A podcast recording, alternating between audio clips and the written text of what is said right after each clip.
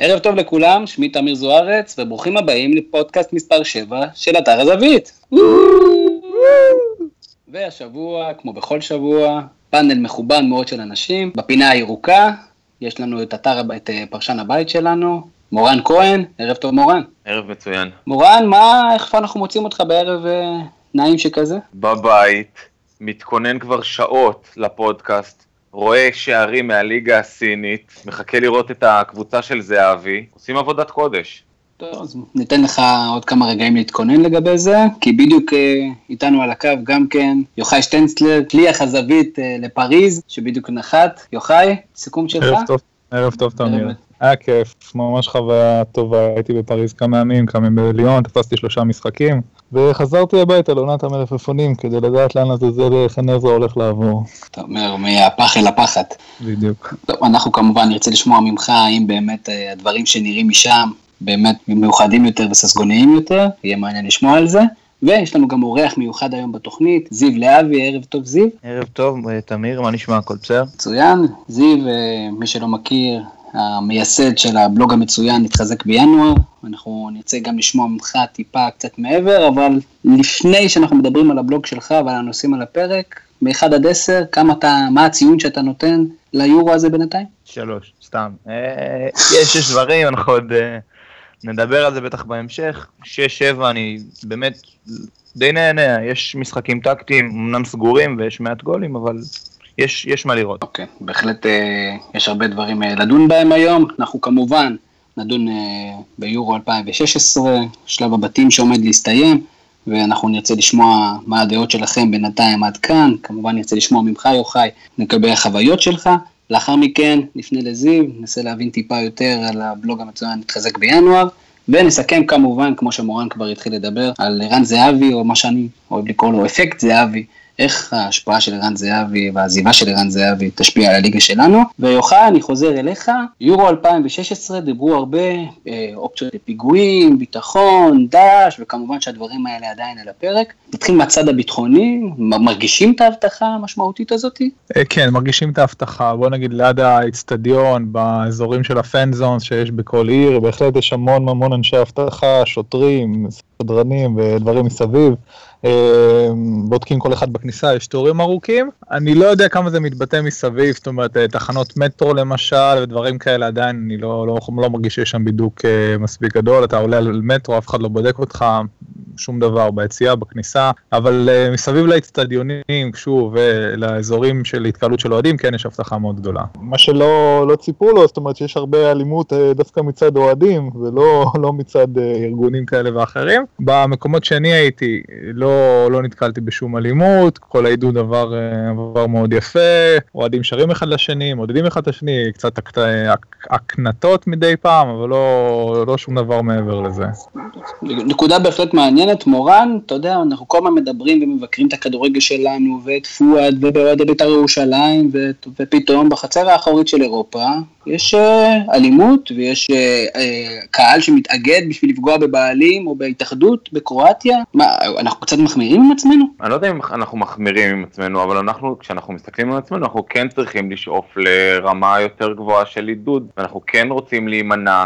מאווירה של אה, אלימות ביציעים וגם מחוץ ליציעים. זה שדברים כאלה קורים גם באירופה ובאליפות אירופה ובקרואטיה עם כל המתח שיש שם בתוך ההתאחדות והחוליגנים הרוסים שבאו במיוחד בשביל זה, אנחנו לא צריכים לתרץ את האלימות שלנו בזה שיש אלימות במקומות אחרים. אנחנו צריכים להימנע מאלימות מלכתחילה. אני חושב בהחלט שאנחנו צריכים לחנך. התחלת, זיו, מקודם לדבר על מיעוט השערים ביורו הזה. ממה זה נובע? זה חשש של הנבחרות? זה הפערים, פערי הרמות שיורדים? אה, תשמע, הדבר הראשון שצריך להתייחס אליו כשאתה בא ליורו הזה, זה יורו מורחב, גדול. הוא היה עד עכשיו 16 נבחרות, עכשיו הוא 24 נבחרות. לדעתי, פה, זו נקודת המוצא שלנו, מפה צריך להתחיל.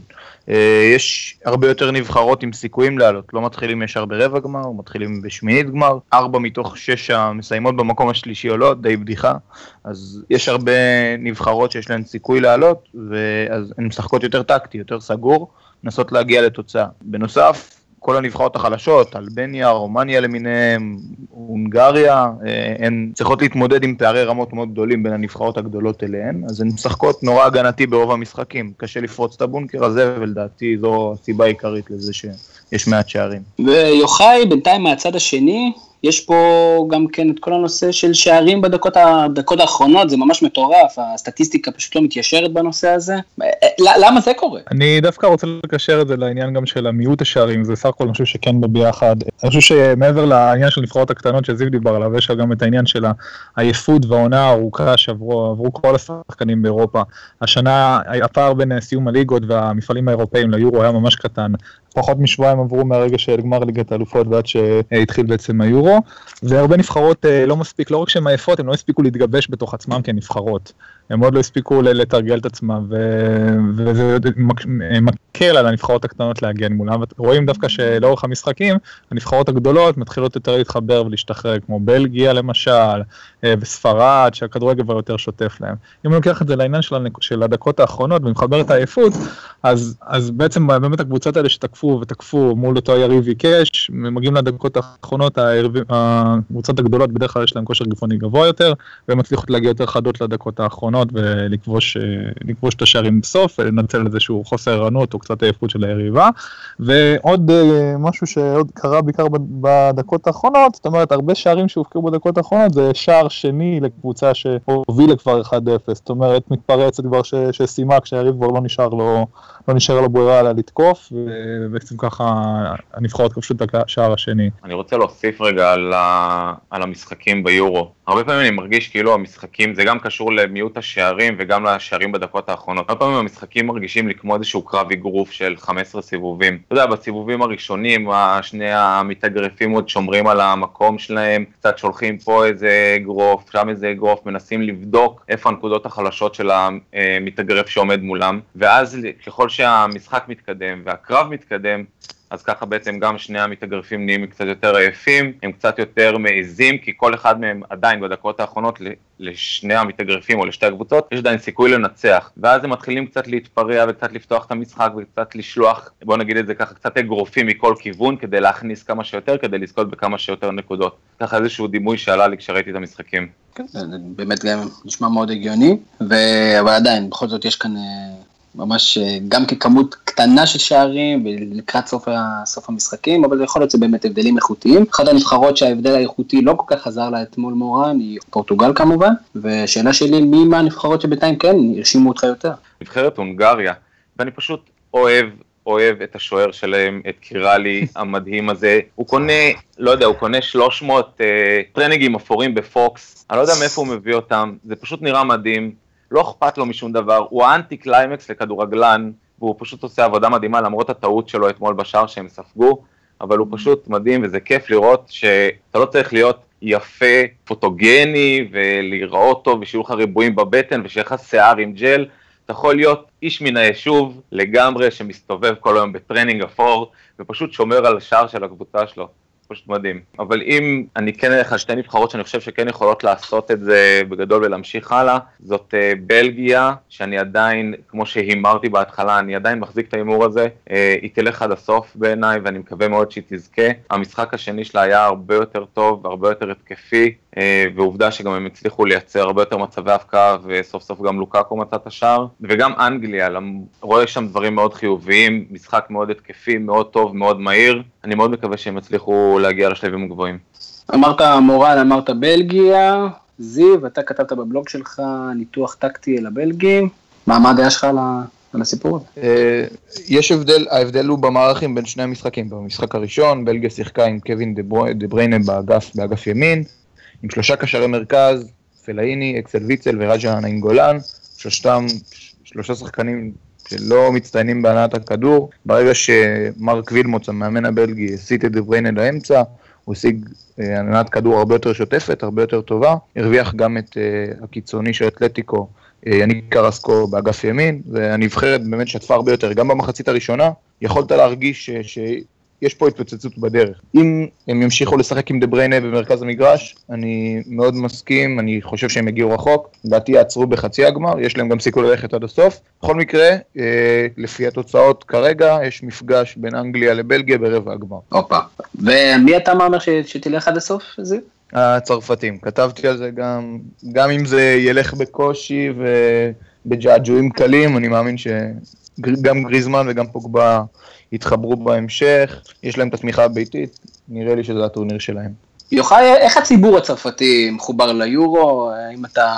אה, איך האווירה ברחובות? שוב, דיברנו קצת על הנושא של האבטחה, אתה אומר שפחות אה, שמת לב לנושאים הללו. יש אווירה של יורו, יש יורו, יש טירוף, זה כיף.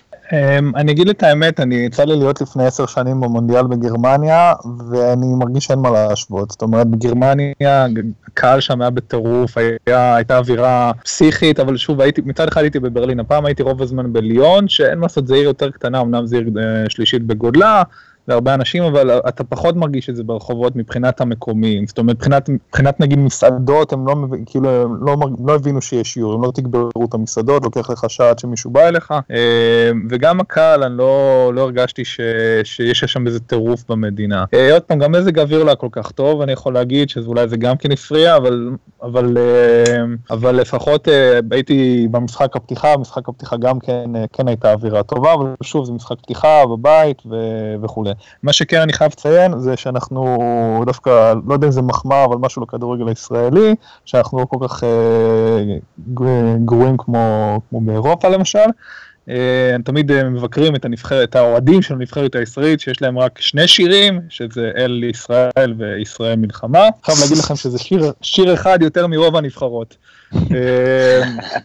השיר, היה- השיר של פורטוגל הוא פורטוגל, פורטוגל, פורטוגל.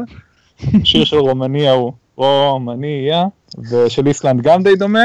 אה, צרפתים ככה משתדרגים, והשיר שלהם זה לבלה, אה, יאללה הכחולים. ב- ב- בקטע הזה אנחנו בסדר. איך ישראל מבחינתך זאת קריאת עידוד, זה מה שאני לא מבין. זה מה יש. או שזה, יש, יש יש שיגידו שסתם זה פשוט אה, ציון של המצב הקיים, אבל בסדר.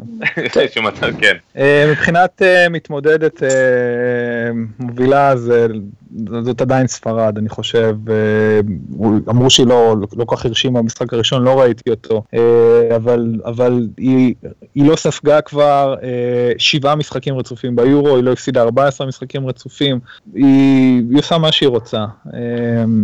השיטה נשארה ואיניאסטה ביכולת על. ו...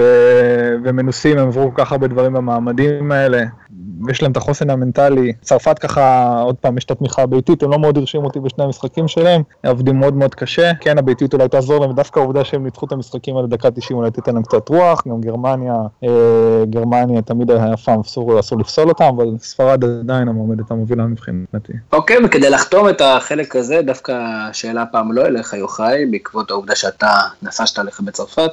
אנחנו מרבים באתר הזווית אה, לבקר את הפרשנים השונים, וגם כן, אה, כמובן זיו התייחס לזה גם כן בעבר. מורן, איך אתה מתרשם בינתיים מאולפן היורו? בוא נתחיל מה, מהגרוע ביותר לטוב ביותר. בסדר? בוא נסיים בחיובי. אז קודם כל, הכי גרועים, תתפלא, אבל זה דווקא לא ערוץ אחד, זה ערוץ 2. כי מערוץ אחד אני לא מצפה לשום דבר, אז אני גם לא מקבל שום דבר, אז זה לא נורא. אבל ערוץ 2 זה פשוט נוראי. הם סוג של מנסים לשווק את הכדורגל כאיזשהו סוג של תוכנית ריאליטי, מזמינים כל מיני כוכבני רגע לא ברורים שאין שום קשר בינם לבין המשחק, אלא הם יותר קשורים לרשת שבה זה משודר, בעצם אה, חברת רשת, אה, והכל שם די מביך, התקציר של המחצית הוא בדיוק עשר שניות, ואז פרסומות של שמונה דקות, חוזרים אליכם עוד שנייה, עוד פעם פרסומות, לא קורה שם שום דבר במחצית, לא מדברים על המשחק, אין שום פרשנות, די... אני ציפיתי מהם ליותר, כאילו, אתה יודע, הם מלעיטים אותנו, כל הזמן בפרסומות, כאילו לא עבר חוק שאסור לפטם יותר אווזים. חלאס. אוקיי. אה, אז הם הכי גרועים. ערוץ אחד זה ערוץ אחד, אנחנו, כמו שאמרתי, אנחנו לא מצפים לשום דבר, אבל בסדר, לפחות הם מראים את זה, וזה בחינם, וזה ב-HD, אז סבבה, אז זה לזכותם. וספורט אחד, אני חושב, אה, הרימו אולפן מעולה, מקצועי, כיפי, מעניין, אה, גם מווניר, גם אסף כהן, שהוא ידען בלתי נלאה, ו- ועמית לבנטל המדהים, שהוא פשוט אני מאוהב בפרשנות שלו, אה, וגם אורי, אורי אוזן מצטרף אליהם, שהוא מסתמן כאחד הפרשנים היותר טובים אה, בביצה הישראלית. והם עושים את העבודה בגדול, ואצלם ממש כיף לראות, כיף לראות את המעברונים, כיף לראות את הפרשנויות, כיף לראות את השיחות. באופן כללי, בוא נגיד שזה הכי קרוב לליגת האלופות של אה, ערוץ 5 מלפני חמש שנים נגיד. אה, בהחלט מצטרף לזה. זיו, משהו להוסיף לנושא הזה? אני גם רוצה לציין את אסף כהן, תגלית הטורניר, אני לפחות, פחות הכרתי אותו, את האישיות שלו, את הפרסונה, בחור מאוד רציני, ו... כדאי לציין גם את המבזקים הקטנים אה, של דניאל סעדון, רענן ברנובסקי, גם הם ממש אחלה, באמת אחלה אולפן. אני מסכים, אה, בגלל זה דרך אגב גם שאלתי על ספורט אחד, אה, באמת בעיניי סוף סוף אה, אולפנים ברמה, מה שהם בדרך כלל לא עושים כשיש, כשאין טורנירים, למשל בליגה האנגלית או בשאר השידורים שלנו או בליגה הישראלית. אני רוצה עוד להוסיף משהו לגבי אוהדים, כי לא דיברנו על זה מספיק מקודם, גם רציתי קצת לשתף בחוויות שלי. מדברים באמת הרבה על האוהדים, על האוהדים הלא טובים ועל האלימים, אבל באמת שיורו זה הזדמנות נפלאה באמת לעידוד מטורף ומסיבי מכל המדינות. ברגע שיורו כזה נעשה במרכז אירופה, שלכל האירופאים קל להגיע, אנחנו רואים הרבה אוהדים מדהימים, זאת אומרת שבאים בהמוניהם, פשוט מניעים את הרכב שלהם ונוסעים. אני יצא לראות את בלגיה ואיטליה, ואת המשחק גם בפורטוגל איסלנד. בלגיה הפתיע אותי בעידוד שלא ראיתי כמותו בחיים שלי. זאת אומרת, אלפים, עשרות אלפים של בלגים מגיעים ולא מפסיקים לשיר ולעודד ו- ובאמת זאת הייתה חוויה מדהימה. החוויה השונה, אה, שבכלל שווה לדבר עליה זה איסלנד, באמת, מדברים הרבה על ההתקדמות שלהם ואיך הם התקדמו בכדורגל, אבל אתה רואה את התרבות במדינה הזאת. אם רוב האוהדים מהנבחרות שהגיעו זה באמת 95 אחוז אה, גברים וכל מיני גילאים שטויים ו- ושרים, אז האיסלנדים מביאים תרבות אחרת. משהו כמו 4% מהאוכלוסיית המדינה הייתה באצטדיון. ולא רק הכמות הזאת, המגוון של האוכלוסייה, אתה רואה משפחות, אתה רואה סבא ונכדים ו, ונשים ובעלים באים כל המשפחה לעודד ביחד, ממש מדהים. 4% אה, מהאוכלוסייה, אני לא חושב שאנשים מבינים מה זה אומר, אני, אני חושב שאני, גם אחרי שאמרו את זה כמה פעמים עדיין, שמישהו היום שאל אותי כמה קהל יש לאיסלנד, או כמה אנשים גרים במדינה הזאת, אז אתה יודע, אתה זורק שניים, שלושה מיליון, וזה רק 320 אלף איש. היא בגודל של ראשון פחות או יותר. פשוט בלתי נתפס. ואנחנו נעבור לנושא הבא, אה, זיו, אתה כמובן, אנחנו ניתן לעצמך, ניתן לך להציג את עצמך לגבי הבלוג שלך, ו... מי שבאמת אה, לא מכיר, בלוג מתחזק בינואר, אה, שמלווה בניתוחים אה, טקטיים, ומעניין אותנו זיו, מאיפה הגיע הרעיון, מאיפה הגיע הצורך הזה, לבוא ולתת את המבט שלך, ואיזה תגובות אתה מקבל. טוב, אז את נתחזק בינואר באמת הקמתי לפני שנתיים, הימים היו הימים של המונדיאל בברזיל, ראיתי את הטורניר, לא חשבתי על קריירת פרשנות, זה לא אחד מהסיפורים של ראיתי את הקרחת המבצבצת של אבי מלר ותמיד חלמתי להיות כמוהו, זה לא המקרה, לא יודע, פשוט היה בעיה לכתוב, הייתי בצבא, הרבה נסיעות ארוכות בלי תכלית, הרבה שעות מתות, התחלתי לכתוב קצת, זה היה מאוד חובבני, פוסטים עם אה, ניתוחים גרפיים בצייר וכל מיני שטויות כאלה. הייתה תקופה קשה, לא היו הרבה אנשים, לאט לאט באמת אה, הבלוג התחיל לצבור תאוצה, אה, תדירות פוסטים שלי עלתה, השתחררתי מאז, היום אני מפרסם בערך פעמיים בשבוע, ביורו כמובן זה קורה כמעט כל יום, העמוד ייחודי, בעיקר בזה שאני אהיה הבן אדם היחיד שמפעיל אותו. זאת אומרת, בשונה מרוב המקומות, אני עושה הכל בפנים. אני הכותב, העורך, שנותן את הכותרת, עורך הוידאו, התמונות, אוסף סטטיסטיקה, הכל אני עושה בעצמי.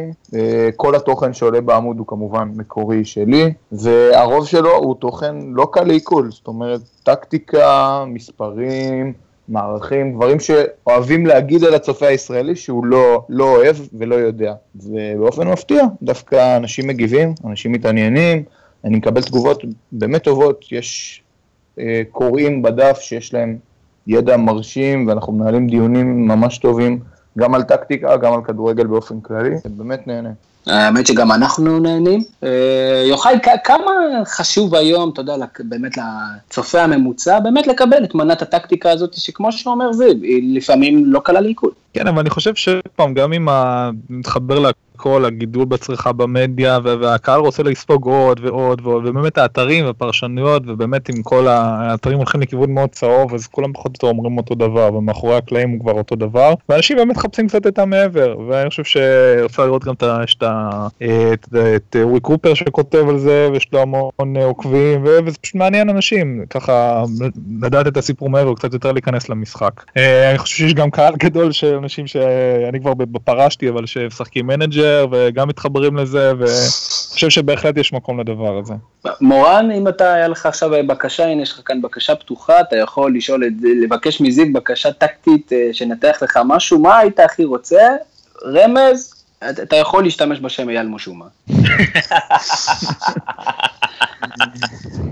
אני מנתח כדורגל אמרנו, לא... כן, אה, לא אווירונאוטיקה. לא, לא הרחקת יונים, לא הרחקת יונים. אה, האמת שדווקא? מעניין אותי כן לשאול אותו על המעבר, דווקא כן קשור למכבי חיפה, אבל כן על המעבר של אה, רוני לוי במהלך העונה לקישור האמצעי היותר חזק עם אה, פירס ונטע לביא, שהוא יותר סגר את האמצע ויותר התכנס מאחורה כדי למנוע את ספיגת השערים. אז זה פשוט, לדעתי, התפיסה של הקבוצה, כאילו, זאת אומרת, אני מכיר אוהדי מכבי חיפה, אני לא חושב שזה יחזיק, זאת אומרת, זה לא, זה לא, אתה לא בונה ככה קבוצה לאליפות. זה איזושהי דרך שבה הוא הבין שהקבוצה שלו לא מספיק טובה, הוא רוצה להתגונן מול הקבוצות הגדולות, בדיוק התחיל הפלייאוף העליון, היה לו רצף של משחקים נורא נורא קשים, אה, יחד עם חצי הגמר, וסגר את האמצע עם פירס, עם נטע לביא, עם עטה ג'אבר, אה, באמת, קבוצה מאוד אקספלוסיבית, יוצאת למתפרצות דרך עזרא, דרך גילי ורמוט, בניון ואוברניאק מוציאים את זה בעיקר בפסים, הם פחות אה, רצים, ובאמת הוא בנה קבוצה שבהתאם לכלים שלו היא טובה, סגנון משחק כזה טוב, זה לא יחזיק לאורך עונה שלמה אם מכבי חיפה באמת רוצה ללכת לתארים, לצמרת הגבוהה, זה בעיקר סגנון פסיבי. כן. אם אני יכול אה, רק להוסיף על זה, אני כן מסכים, מסכים שחיפה הפכה להיות בעצם סוג של קבוצה קטנה, זאת אומרת, זו הייתה הדרך שלה להתמודד עם אה, קבוצות יותר גדולות וחזקות ממנה, אבל אני חושב שזה כן יהיה חשוב בעתיד, כי החולשה של המרכז השדה דתי אולי הבעיה הכי גדולה של מכבי חיפה בשנים האחרונות, זאת אומרת לפחות מבחינה טקטית על המגרש, אה, ומרכז שדה חזק שבולם את ההתקפות של היריב וככה בעצם מאפשר לחלק הקדמי האיכותי והיחסית יותר יצירתי באמת אה, להתחיל את ההתקפות שלו אה, בחלק של היריבה וככה למקסם את היכולת. זאת אומרת, אין ספק שחיפה באמת צריכה לעשות שינוי של להפוך, להפוך שוב לקבוצה גדולה, אבל זה כמובן אה, לא על חשבון אה, מרכז שדה חזק. נכון, אנחנו עוד נגיע למכבי חיפה והליגה, בכלל הליגה הישראלית, וזה מחבר אותנו באופן אה, טבעי לנושא של ערן זהבי, כמובן ערן זהבי עובר לקבוצה הזאת שרק מורן בערך יודע איך אה, אה, הוגים את השם שלה, ואני רוצה באמת לפתוח איתך מורן, מה תהיה ההשפעה על הליגה? ערן זהבי כבר לא פה, המלך הלך, דרך אגב מלך שהלך ללא תארים בשנה האחרונה. זה, זה. מה, מה הולך- אפילו לקרות? איך זה הולך. להשפיע? זה נכון. חוץ מזה שזה טוב לליגה, כאילו זה נותן, באופן עקרוני, יש איזושהי תפיסה שזה יהיה טוב לליגה. למה? כי מי שהחזיק את מכבי תל אביב בשלוש-ארבע שנים האחרונות, אה, עוזב, והם יצטרכו למצוא מישהו שיחזיק את הקבוצה במקומו באותה רמה. עכשיו, הם לא ימצאו עוד ערן זהבי, אבל מה שכן, הם בעזרת הכסף שהם מקבלים, משהו בסביבות 9-10 מיליון דולר, אני לא יודע, מיליון פה, מיליון לשם, מה גולדהר סוגר שם, זה באופן כללי טוב למכבי תל אביב, כי במקום שחקן אחד שמחזיק את הקבוצה, הקבוצה יכולה להיות יותר ורסטילית, אפשר להביא שחקנים טובים מאוד, אה, וכמה מהם, שיוכלו אה, להיות יותר אה, מגוונים. כלומר, הקבוצה לא תתמקד יותר בערן זהבי ואיך ערן זהבי יביא אותנו לאליפות, אלא יהיו כמה שחקנים, ולא כל הזמן זה יהיה תלוי רק באחד. אה, אז פעם אחת שחקן אחד יבלוט, פעם במשחק אחר שחקן אחר יבלוט. לקבוצות נגד מכבי תל אביב, אם הם יעשו רכש נכון בכסף שהם קיבלו מערן זהבי, הם הולכים, הם יכולים, כן, לקחת אליפות אפילו די בקלות, אם הם יעשו רכש נכון והם יתחברו כמו שצריך, יש להם מספיק ממון רק מה, מהמכירה הזאת של זהבי כדי להביא כמה שחקנים טובים, להרכיב קבוצה חזקה, שאולי תזכיר במשהו את מכבי חיפה המהממת והמדהימה והמעולה של 2001-2002 ו-2003, למרות שהפסדנו את האליפות אז, אבל אה, כן, זה אולי הקבוצה הגדולה הבאה מאז, לצערי, כן? יוחאי, מה, מה אתה אומר? אז הוא הולך להצליח בסין? כי סין אה, לא ליגה פשוטה. אני חושב שערן זהבי שנראה בסין הוא יהיה יותר דומה לערן זהבי של הנבחרת מאשר ערן זהבי של אה, מכבי תל אביב, זאת אומרת יהיה לו מאוד מאוד קשה שם וגם יהיה לו פחות גיבוי מזה שיש לו בנבחרת או במכבי, זאת אומרת שאף פעם לא מחליפים אותו, הוא כן מגיע, אני חושב שהשחקן הכי יקר בתולדות הקבוצה, אבל עדיין הרבה שחקנים אה, מגיעים לשם, לא מכירים את ערן זהבי, לא מכירים את הכדורגל הישראלי, יכול להיות שם עניין של אגו, ההשתלבות החברתית נראה לי מאוד חשובה, ואסור לשכוח אה, שמדובר בקבוצה תחתית. הוא יגיע משמעותית לפחות מצבים, אה, אני מקווה שהוא יצליח, אבל זה יהיה לו מאוד מאוד קשה. אני חושב שעוד משהו שצריכים לקחת בחשבון זה להבין שלא תהיה לו עונה של 30 שערים, אה, במקרה הזה זאת אומרת גם שיפור של הקבוצה לאמצע טבלה ועשרה עד 12 שערים יכול להיות גם כן עונה טובה. אני הימור שלי שזה לא ייגמר טוב, אבל מי יודע, ערן זהבי תמיד מפתיע אותנו. צריך לזכור גם שזה כבר, זה אמצע עונה כרגע בסין. הם נמצאים ב- לדעתי מחזור 19 או משהו כזה, או 20, משהו בסביבות האלה. זה סוג של אמצע עונה, כאילו לא- אני לא חושב שמצפים ממנו לתת עכשיו אה, כמות שערים מטורפת, זה יותר לשנה הבאה. מה חסר למכבי תל אביב? קודם כל, חסר לה בלם. קרלוס גרסיה כבר, זהו, זה הסוף, שנה וחצי, בשנה וחצי האחרונות הוא נראה לא מספיק טוב. אה, הם חייבים בלם ובלם טוב ליד איתן טיבי, הם החתימו עכשיו את הבלם היהודי, איגור פיליפנקו. ראיתי קצת קטעים שלו, אני לא חושב שזה הבלם שישדרג את ההגנה, כן הייתי רוצה לראות איזשהו בלם, זורק שם רמי גרשון, הגיוני. הם צריכים כמובן למצוא איזשהו קשר במרכז המגרש, שיעשה את התפקיד של זהבי, זאת אומרת, במרכז המגרש קדימה, ה attacking. אה, מידלפלט, כאילו קשר התקפי בקיצור, חלוץ, אני באמת חושב שאורלנדוס ממש יכול להתחבר, זה ייקח לו קצת זמן אבל זה יהיה בסדר, ובעיקר אין ואקום, זאת אומרת, טל בן חיים ירים טיפה את הממוצעים שלו, דור מיכה, אני מקווה, יתחיל לכבוש קצת יותר, גם הבישולים, כל הקבוצה תכסה על החיסרון של זהבי, הם יקבלו יותר כדורים, יותר שחקנים יהיו ה-go to guy, אין בן אדם אחד שכל הכדורים הולכים אליו, אה, אם הם באמת ירימו את המספרים ויסיימו באחוזים גבוהים, יש למכבי תל אביב סיכוי, שוב, להגיע לאליפות. אני, אין לי מושג איך זה ייגמר, אני באמת אומר, זה מה שטוב. העונה האחרונה החזירה את התחרותיות, אי אפשר לדעת איך זה ייגמר, גם מכבי חיפה מאוד מאוד מסוכנת. אפילו הייתי אומר שאם אלי טביב לא היה אלי טביב, גם ביתר הייתה יכולה להפתיע, אבל זה לא יקרה. וכמובן הפועל באר שבע, האלופה המכהנת. מורן, אתה קצת, אה, אתה קצת חקרת על הליגה הסינית, מה מצפה לערן- זהבי שם? אה, בעיקר מצפה לו, מצפים לו המון משחקים ב, עם אה, אורך וזיהום אוויר מאוד גבוה, כי סין אה, היא מתועסת כרגע בצורה מאוד גבוהה, והמפעלים שם מוציאים עשן בכמויות, לא נראה לי שהוא כל כך ייהנה. אה, מבחינת האווירה, ככל שהתרשמתי מהמשחקים שראיתי, האווירה היא די נחמדה, באים, אתה יודע, יש מיליארד סינים, אז יבואו איזה עשרת אלפים למשחק כדורגל. אה, הרמה עצמה היא די מזכירה, לפחות מהקטעים שראיתי, די מזכירה את הליגה הישראלית, למרות הכוכבים הגדולים שמשחקים שם, ואם אה, תשים לב, רוב השחקנים שבאמת שילמו עליהם המון כסף, זה שחקני התקפה, גם אה, אלכס אישרה וגם דמבבה, ההגנות שם הם, הם לא ברמה גבוהה. זה באמת ליגה שמאוד מזכירה מבחינת האיכות שלה את הליגה הישראלית, גם השוערים הם לא ברמה מאוד גבוהה, וצריך לזכור שיש רק ארבעה זרים אה, בליגה הסינית, כשאחד מהם יכול להיות מה, אה, מאזור אסיה, כלומר נגיד אוסטרליה או משהו כזה. אה, אז כאילו, ישראל? לא, שלושה זרים, שלושה זרים. אני אומר, ישראל כן, אסיה או לא? אה, ישראל זה אסיה? לא. אוקיי. מה פתאום, יוחנן, אנחנו משתתפים באירוויזיון, מה יש לך? נכון.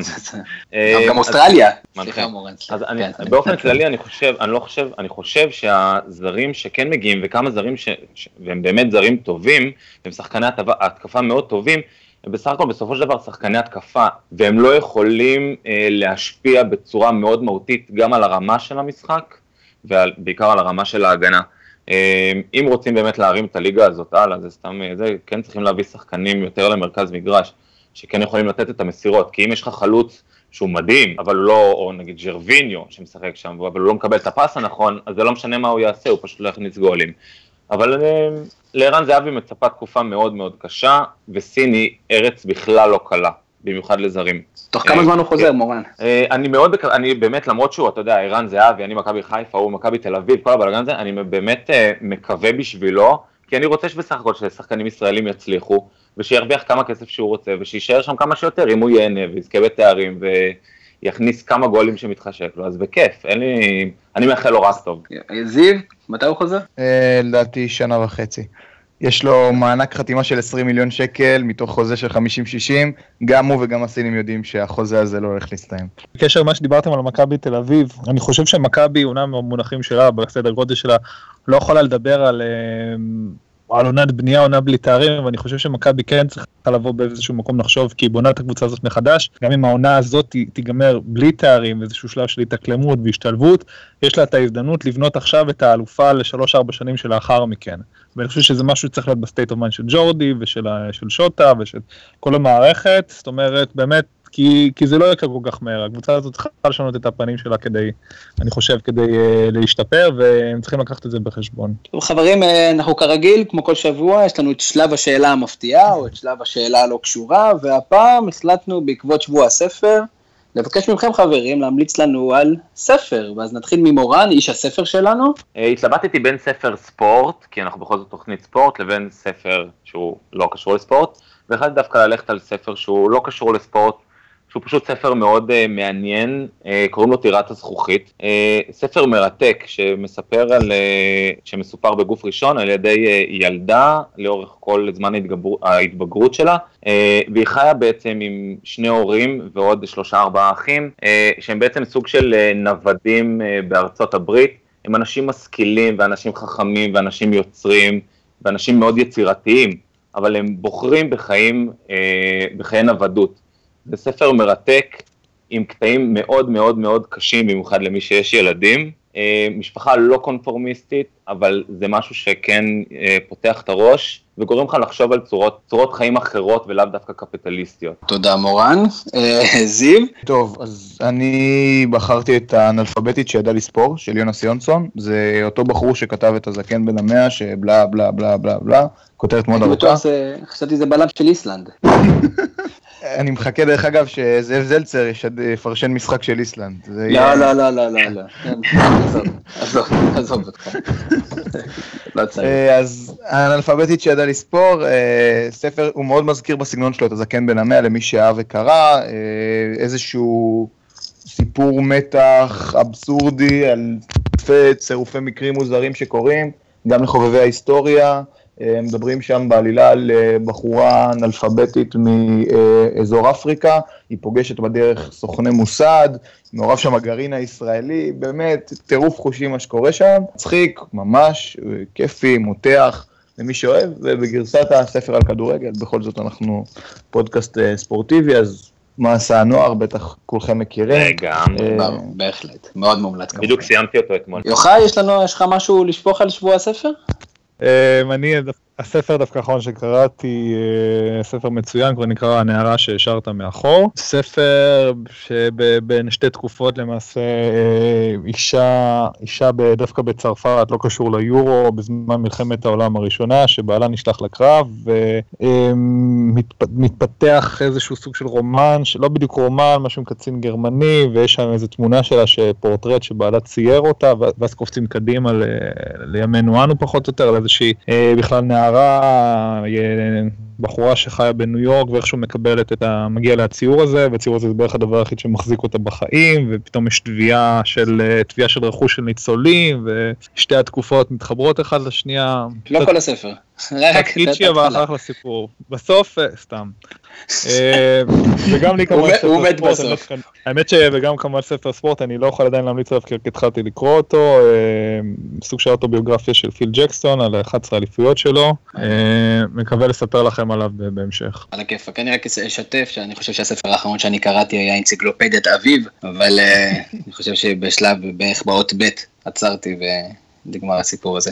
חברים, אני רוצה להודות לכם, אה, לפני שאני אפרד מכם אני אזכיר למאזינים שלנו שהם יכולים כמובן אה, להאזין לפודקאסט הזה באתר הזווית, הזווית.co.il או בפייסבוק, אם תרשמו הזווית תוכלו אה, למצוא אותנו.